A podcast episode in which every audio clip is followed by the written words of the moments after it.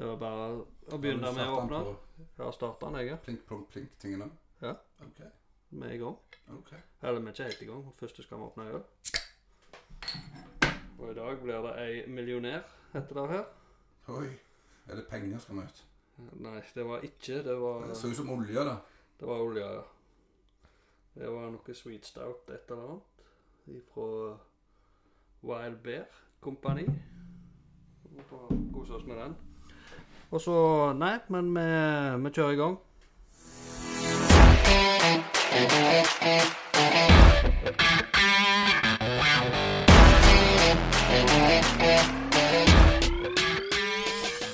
Da er vi inne igjen ifra Ølpreikkjelleren. Eh, Forrige episode så glemte vi en del om forskjellig, eh, så da blir dette her en sånn halve eller en bonusepisode. Så jeg gir ordet til en Bjørn, og så, så tar vi det derifra. Yes, da var vi her igjen. Og jeg hadde selvfølgelig klart å glemme noe sist gang. Uh, denne, dette hadde jeg egentlig tenkt å ta At jeg skulle ta, bruke fem-ti minutter på. Men uh, siden jeg først skulle lage dette her, så kunne jeg gjøre det skikkelig. Så vi lager en hel episode bare på den ene tingen jeg har tenkt å snakke om i fem minutter. Ja. Så det er sånn- sånt det er. Eh, det jeg har tenkt å snakke om i dag, det er basert på en artikkel av en som heter Scott Janish. Og han har basert artikkel på, sin artikkel igjen på en undersøkelse som Yakima Chief Hops har gjort. Som ble publisert i 2020.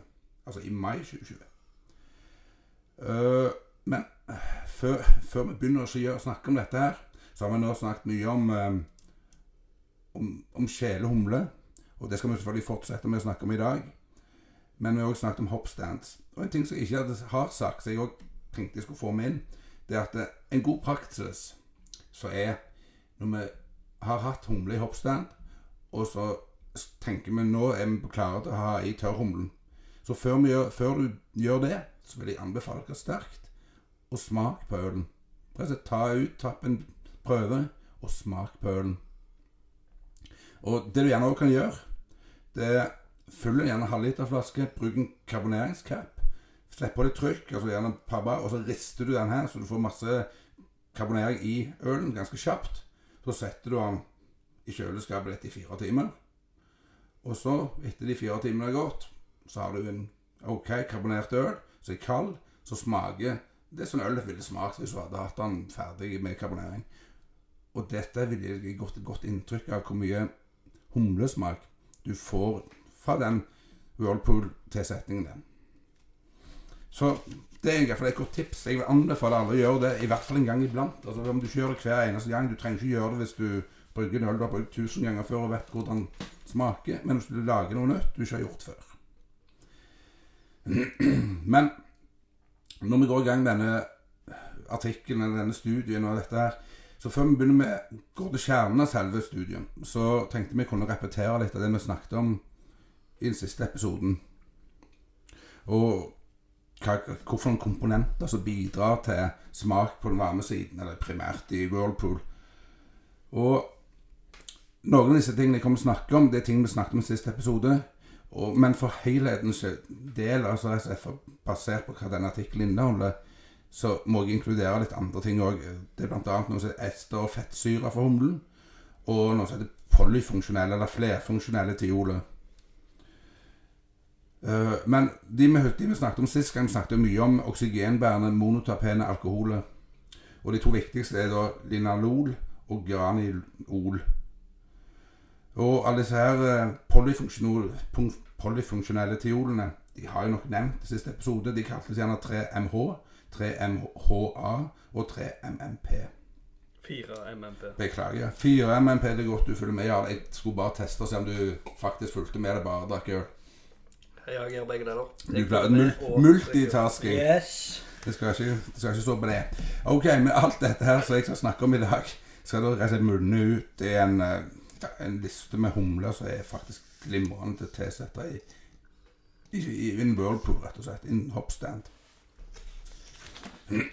Men da setter vi i gang og begynner å snakke om estere. Og es- altså, spesielt estere for humlen vi skal snakke om, det er ikke andre estere. Eh, vi kommer mer inn på Ester når vi kommer til den episoden som jeg skal, vi skal lage i framtiden, som handler om tioler. Men eh, bare for å si sånn, ester kommer fra humlen, og kan være relativt viktig når en skal velge humle. Altså hvilken humle du bruker på den varme siden. Og det er en, spesielt én ester som er viktig, og den heter isobutyric, eller isobutyric ester. Eh, Det forekommer høye verdier i isobutyric, eller av isobutyric estere i hum, når du tørrhumleøl. Og overføringsraten disse esterne er veldig høy. Den er oppe i ca. 80% Så det er veldig mye av disse esterne kommer fra humlen og rett over i ølene når du tørrhumler. Men hvis du òg hiver store mengder humle i en hoppstand, så får du òg store mengder isobutyriske estere der òg. Og altså, Forsøkene har vist at du, du får både smak og rom og elendig i ølen når du tilsetter humle sent i, i kok eller i, på, i en Whirlpool hoppstand. Og jeg kom til å krampe noe voldsomt i denne episoden fordi jeg enda mer forkjølt enn jeg var sist uke. Og enda mer grumsete i stemmen. Uh, skal vi se Bare for sikkerhets skyld så høres jeg ut som en tenåringsgutt. Eh, de humlene som Altså de humleesterne som eh, primært folk studerer. Fordi det, er de viktige som de har sikkert funnet fram til, eller den de, de klarer å isolere på et eller annet vis. Så det er da en ester som heter isobutyl, isobutyrat og isoamyl og isobutyrat. Altså dette er da to, to estere, og så kommer den tredje esteren som heter to-metyl... Nei, nå tøyser jeg. 2-metylbutyl isobutyrat. Benevnes ofte 2-MIB. To Men in Black, 2-MIB. Herfra. Eh, Til sammen smaker disse tre esterne mer De smaker fruktig, de smaker eple, de smaker aprikos. Altså den type smaker kommer fram. Og det er den 2-MIB som er den mest dominerende smaken. Den mest dominerende esteren. Eh, ellers vil alle esterne bli redusert hvis du koker dem. Med andre ord, den beste måten å få mest ut av esterne på, det er å benytte dem så sent som mulig, og fortrinnsvis i en hoppstand. Og med mye humle. Mye ester. Som vi ser, så skal vi selvfølgelig snakke om en studie til. Og det er en studie som så på konsentrasjonen av humleester i den endelige ølen fra Børta, som var humla med 42 forskjellige humletyper. Det var ikke 42 forskjellige humletyper i én vørter, men det var 42 vørtere som var humla med 42 forskjellige humletyper. Ja, sant, ja. Bare så det var klart. Ja. Og dosene som er brukt av humlen, de var veldig små. Det er brukt 0,8 gram per liter. Jeg skjønner ikke hvem som drikker øl som er humla så lite, men Iallfall ikke jeg. det var ikke oss. Si, jeg må prøve å drikke litt igjen for å prøve å rense halsen litt. Men uansett, disse små dosene med humler sier likevel studien en god indikasjon på hvilke humler som er best å bruke en hoppstand. Det hadde vært mye kjekkere hvis jeg brukte mer sånn typiske doser som jeg bruker med, med hjemmebrukerbruk, i hvert fall. Er noen 7-8 gram per liter, eller 150-250 gram med humle i en typisk eh, hjemmebyggerbatch, som en hoppstand. Ja. Er iallfall det jeg bruker sjøl. Jeg bruker typisk 200 gram når jeg bruker sånn 20-25 liter. Av de 42 humlene som ble testa, så var de humlene med den høyeste verdien av humleestere iso... Altså de to første jeg nevnte, altså isobutyl, isobutyrat og isomyl og isobutyr Fy fader, for noen navn, altså. Det er helt sjukt. Isoamyl, isobutyrate. Ja, det var den siste de prøvde å uttale. Altså, De siktet på de to esterne der, og så på hvorfor noen av ølen som brydde, og hvorfor humler vi brukte oppi de, ga de høyeste verdien av de to esterne der. Av de to spesifikke esterne så var det Nils Nelson Sauvin, Sauvin ja. og Amarillo og Citra som ga de høyeste verdiene. Og så var det sjek- sjekket de spesifikt de, humle, de humlene som ga øl med mest av eh, 2MIB-esteren. Og igjen så sier de som hadde mest fra høy til lav. Den første den som hadde mest av det, det var Southern Cross. Og så var det Pacific Jade. Så er Victoria, det er Vic Secret, heter den. Og så er det Bravo og Polaris. Så neste da så de sikter på, det var hvordan disse esterne ble påvirket av humleprosessen. Nei, da tøyser jeg. Gjæringsprosessen er de prøver å si. Hvordan ble humlene påvirket? Humleesterne påvirket av gjæringsprosessen. Uh, men det, det konklusjonen var, det at det, det er veldig lite forskning på dette her. Og det er der forskningen som blitt gjort. Det viser at noen typer gjær gir høye verdier av disse esterne, og andre øl, typer gjær gir lite av disse her. Så det er, liksom, det er ikke nok informasjon i noen av forskningen til å konkludere noe som helst. Men det som de hva skal kalle ane- anekdotisk har funnet, og det de spekulerer i, det er jo at det, disse esterne blir tatt opp omgjort av gjæren, altså via en biotransformasjon. Sånn at du, Derfor får du ofte mindre lavere humleesterverdier i den endelige ølen enn den du hadde i utgangspunktet. Men eh, det er kun ja, nesten spekulasjoner. Det er bare kun sånn få ane- anekdotiske funn som sier det. Det var, det var litt om Esteraya. Og nå skal vi over til Hop Derived Branch Chained Fatty Acids, engelsk, altså fettsyrer på norsk. Og da skal han, eh, Bjørn få overta her igjen. Ja, det er ikke bare fettsyre, men det er gjerne forgrenede, eller grenkjedede fettsyre det heter på norsk. Ja. Eh, Kanskje de fleste kjenner branch chained mer fra, fra proteiner, men det er en annen side av saken. Som vi ser, eh, det viser seg at disse fettsyrene òg er viktige for å påvirke aroma og smak. Og det er visst en ting som bør vurdere når vi velger de endelige humlene vi skal ha i en hoppstand. Eh, Det er noe synd at ikke alle disse tingene er tilgjengelig for oss alle. Men eh, jeg skal prøve å komme fram med noen humler som har Ja, som bidrar i den sammenhengen òg, tror jeg. Så under, eh, altså under gjæringen kan disse fettsyrene bli estrifisert. Det er egentlig det som koker ned til det viktigste bidraget, kanskje. At fettsyrene blir til estere. Og de eh, esterne heter da så kjekt. Dette heter etyl isobutyrat og etyl isovalerat og etyl 2 metyl, nei, metybutyrat. De har så kjekke navn at det, Forferdelige navn. det er godt vi ikke skal synge dem. Ja. Og så kan du gjerne spørre eh, hvor kommer fettsyrene fra en humle. Er, I utgangspunktet er det ikke så mye fettsyre, men når eh, humlen blir eldre, altså når de brytes ned, når de eldes, når de blir gamle, når de modnes, så omdannes de bitre humlesyrene til forgrenede fettsyrer. Altså, dette skjer via en oksidasjonsprosess. At den oksidative nedbrytning av humlen, altså, hum, altså humlens bitre syre, det gir da fettsyrer. Så vi får med andre ord mer fettsyre jo eldre humlen er. Og man tar også at jo mer alfasyre det er tilgjengelig i humlen, jo mer fettsyre får du. Eh, som sagt så estrifiseres disse fettsyrene seg til fruktige etylestre gjennom biotransformasjon. Men eh, vi regner likevel med at fettsyrene i seg sjøl, selv om de, de, altså de som ikke blir estrifisert, de som er igjen i ølen, til og med de bidrar til smak og aroma. Men da gjennom kun gjennom synergi med de monoterpene alkoholene. Det at det, synergi betyr at de samspiller med dem.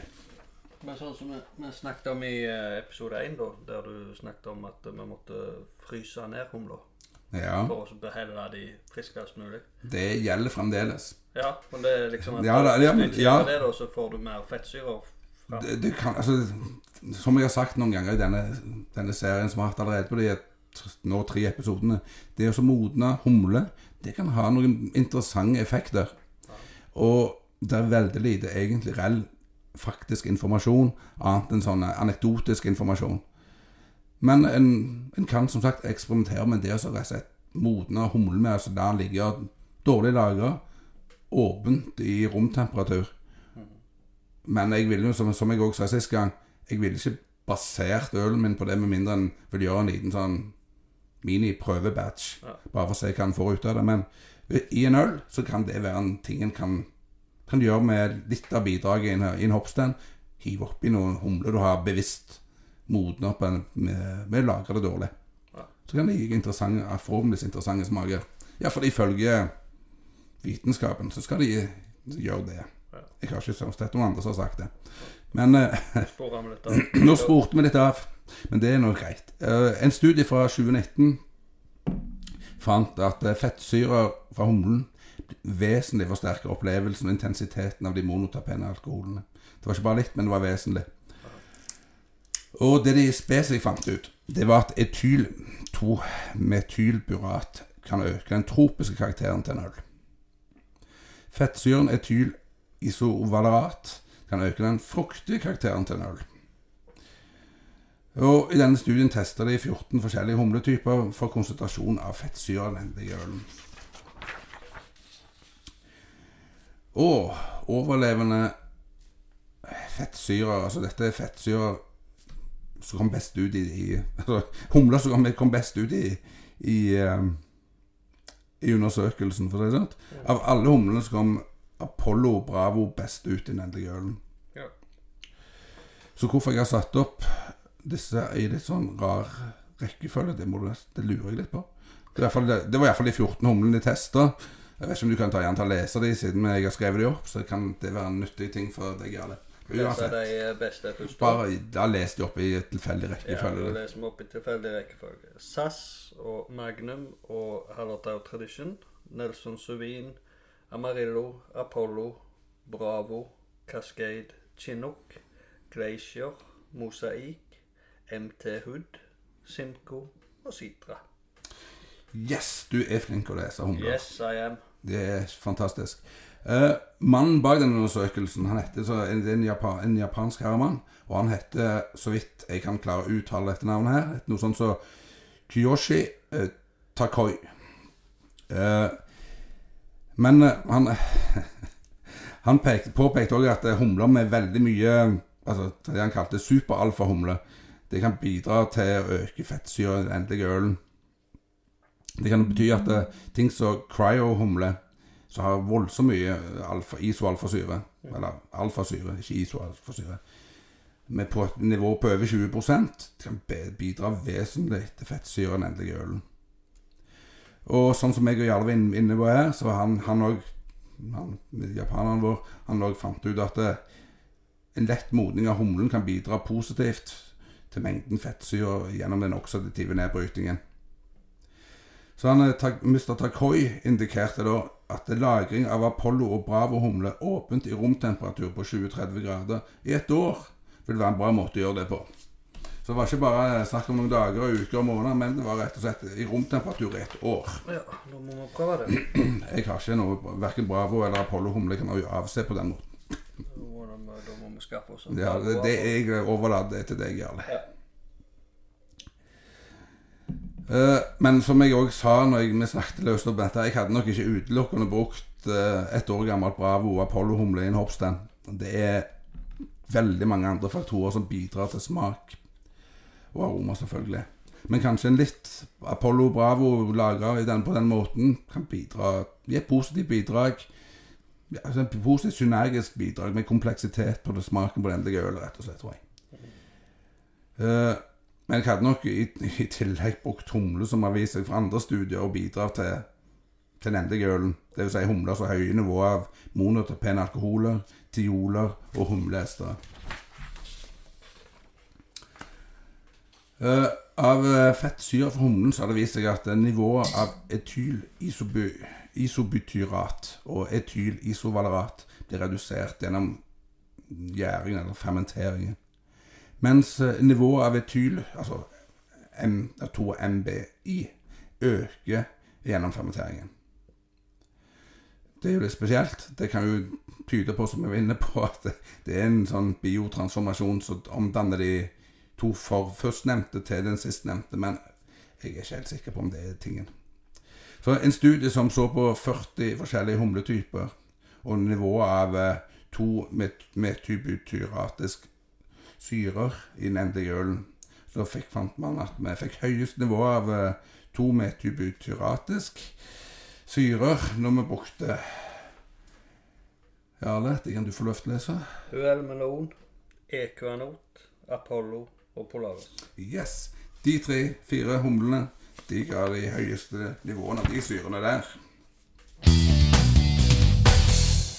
Det var litt om eh, fatty acids, eh, fettsyrer. Eh, nå skal vi over til noe som heter polyfunksjonelle tioler. Så da skal han, Bjørn fortelle litt om det. Her unnskylder vi på forhånd. Det er ganske mye løgnesord. Så dere får bare ha oss unnskyldt, men eh, vi skal gjøre vårt beste for at de skal bli rett eh, utført eller stava. En av oss skal nok få det til. Men, men altså, egentlig så skal vi ha med eh, disse tiolene i en egen dedikert episode. Men eh, for helheten sin del, altså når jeg skal snakke om dette, så må jeg, måtte jeg fant ut jeg måtte ha med tiolbiten òg, for ellers så rett og slett mangler det litt. Grann.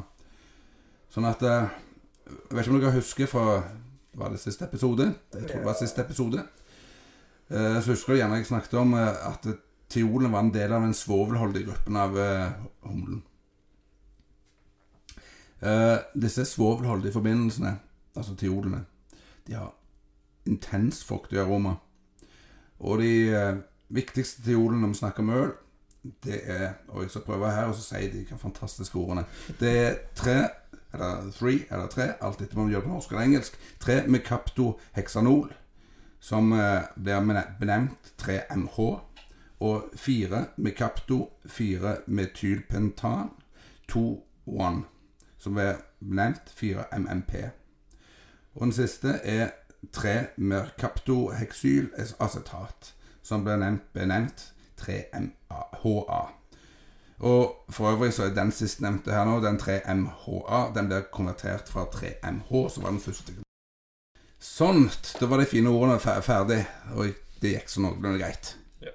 Det som kanskje er mest spesielt med triola, det er den utrolig Jeg vet ikke kan, hvordan jeg kan uttrykke det sterkt nok. Den ekstremt lave terskelen vi har for å smake dem. 4 MMP har en smak av solbær. Og hvis du får 4 MMP i store mengder altså, Da er det nesten typisk i et laboratorium. Hvis, hvis du har et laboratorium der de isolerer 4 MMP, så vil det rett og slett lukte kattepiss. Sterkt, strengt kattepiss. Og det vil det fortsette å lukte til rett og slett nivåene har senkt seg så langt ned at det plutselig blir frukt. Eh, solbærlukt igjen. Men det, altså kattepiss er jo en aroma en faktisk har ofte i øl.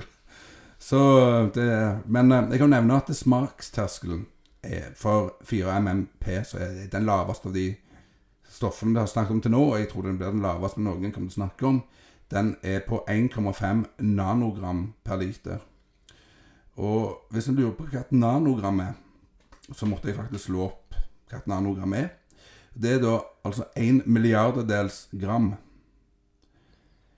Og så, da jeg snakket om sist gang, så var det snakket man om 10 millioner på mikrogram. Eller 1 million, mener jeg, på mikrogram. Men her snakker vi altså da om 1 milliard, altså 1000 ganger Altså mindre. Smaksterskelen er over 1000 ganger mindre for tioler enn den er for eh, Ja, disse terpenene som vi snakket om i siste episode. Uh, 3MH, eh, et av de andre eh, Tio, en av de andre tiolene det har grapefrukt, rabarbrasmak. Det har en litt høyere smaksterskel, men fremdeles latterlig lavt, på 55 nanogram per liter. Og 3MHA det har sånn pasjonsfruktsmak, og terskelen der er på 4 nanogram per liter. Er. Det er så lite at det, det er nesten Det finnes ingen greie måter å og så illustrere det på. Jeg, som jeg sa til deg når vi snakket om dette før programmet Det var Jeg hørte en beskrivelse av Der de prøvde å sette dette i litt kontekst. Der de hadde sammenlignet én dråpe tilført i 20 olympiske svømmebasseng. Ja, sant. Og vi snakker jo da om ja, det, det, det er så lite at det går ikke an å forklare hvor lite det er. Men dette klarer vi da altså å smake. Ja. Uten å gå altfor mye i detalj. Men eh, kort oppsummert så vil man få en økning av verdien av 3 MH når man koker. Mens for alle de andre triolene får vi en kraftig reduksjon. Eh, men med lave oppstemtemperaturer, ca. 80 grader eller lavere, så vil vi få mer av de smaksaktive 4 MMP-tiolene. Altså mer av de vil overleve inn i fermenteringen og etter den endelige ølen. Eh, en undersøkelse som så på synergien mellom, altså mellom 4 MMP, altså solbærsmak, og de monoterpene alkoholene linalol og geraniol og beta-citronellol, eh, de fant at selv med verdier som under smaksterskelen, altså smaksterskelen til 4 MMP, altså så lite som 1,2 nanogram per liter, så hadde 4 MMP en additativ effekt på monoterpenalkoholene. Altså sånn Ja. Det, er nesten det er vondt å vri hodet sitt rundt hvor lite det er snakk om, og hvordan effekten av det, hvor stor effekten er. Denne synergien mellom 4-MMP og monoterpenalkoholer framhever den tropiske karakteren i det endelige ølet. Humler med mye av både 4-MMP og monoterpenalkoholer vil gjøre ølen mye mer intenst tropisk. Eh, Dette samsvarer òg med måten fettsyrer forsterker smaken på eller smaken fra de monoterpenalkoholene. Så det er mye synergier i tillegg. Eh, det, som, det som jeg har beskrevet i løpet av denne presentasjonen, det er liksom de forbindelsene som vi får fra den varme siden, som bidrar til de fruktige smakene i den ølen. Og nå altså Nå kommer jeg egentlig fram til, kjernen av dagens tema. Det er noe som de har kalt, så Yakima Chief kalte Hop Survivables. Det er vel ikke så voldsomt enkelt å finne et sånt tilsvarende norsk ord, for det nærmeste jeg kommer, det er humleoverlevelse. Eller overlevende varmsidig humle vil det gjerne kanskje være mer riktig. På norsk i hvert fall. Eh, Når man vet hvilke komponenter som er mest sannsynlig til å bidra med, med smak på den varme siden Altså det si én hoppstand. så hadde det vært fint hvis noen testa hvilke humletyper som har høye verdier, eller høye i kombinasjon av disse verdier, av disse tingene man sånn har snakket om nå. Og det var i grunnen det Jakob Chief gjorde. Og de la fram sine resultater i mai i fjor. Så det Jakob Chief testet humle for kombinasjoner av monotapen alkoholer, fortrinnsvis linalol og granilol. Tioler, fortrinnsvis 3MH, og ester fra humlen, fortrinnsvis 2MIB. Men det var ikke det, det eneste de testa, det var det de fortrinnsvis testa. For de testa for et fullt og vidt spekter. Unnskyld meg. Det de fant ut, kan nesten oppsummeres i ett ord. Det er Idaho 7. Det var den soleklare vinner, vinnerhumlen. Så hvis du har Idaho 7 i en hoppstand, så har du i hvert fall en kjempegod begynnelse på en uh, fruktig og gode apa, ipa, neipa. Men eh, siden på, altså, humling på en varm side er såpass komplekst, så det er lurt å kombinere to-tre forskjellige av de beste humlene fra undersøkelsen. For da får du gjerne den mest best mulige smaken. Å, Jarle, du kan nå lese opp vinnerne i denne undersøkelsen, rangert fra høyt til lav. Vær så god, ta deg ut. Vinneren er jo da Idaho 7. Sølv er jo Mosaikk, og bronse er Bravo. Det stemmer. Og resten de driter vi i. De driter. Nei da, da, kommer Citra Millennium eh, MT Hood. Mount Hood. Ma- Mount Hood. Og så kommer Equanot og Simco. Niendeplass har du Krystall. Tiende er Loral. Ellevte er Columbus. Tolvte er Tallus, eller HBC 692, for de som foretrekker det. 13. er Warrior, 14 Nugget, 15 Liberty og 16 Eldorado. Og nå skal jeg dele med dere noe som ikke alle vet. Det er et lite triks i ludo. Det er et ludotriks i ølbrygging. Og det er rett og slett humlen Laurel. Den ligger ganske langt ned på listen. Han ligger på en tiendeplass. Men han er veldig spesiell. Han har veldig høye verdier av eh, Av disse sitrusmakene. Og altså, altså Veldig høye verdier av lina- linanol, rett og slett. Og det blir til veldig høye verdier av eh, sitrus. Og du trenger ikke ha Altså, Laurel det, det, De kaller det gjerne en eh, Hva skal man si En forsterkerhumle. Det er noen andre av de òg. Mosaikk fungerer litt på samme måten. Rett og slett med at eh, når du har oppi litt Laurel og mosa, eller mosaikk, så vil det forsterke kraftig den humlesmaken du egentlig ønsker å få fram. Den, den forsterker den humlen du ønsker ja, å fokusere på. Og Det tror jeg faktisk gjelder både i som tørrhumle og i hoppstand. I hvert fall for Loro. Sitrus, da, det er det som heter linalol. Det er linalol. Yes. Ja. Og er gjerne jeg har mye bedre sitronell og ol, og jeg er temmelig sikker på. Ja. Yes. Det er grunnen det vi har å si om, eh, om dette. Og jeg vet ikke om vi har så veldig mye mer å si om humling i, eh, i kjelen på noe slags vis.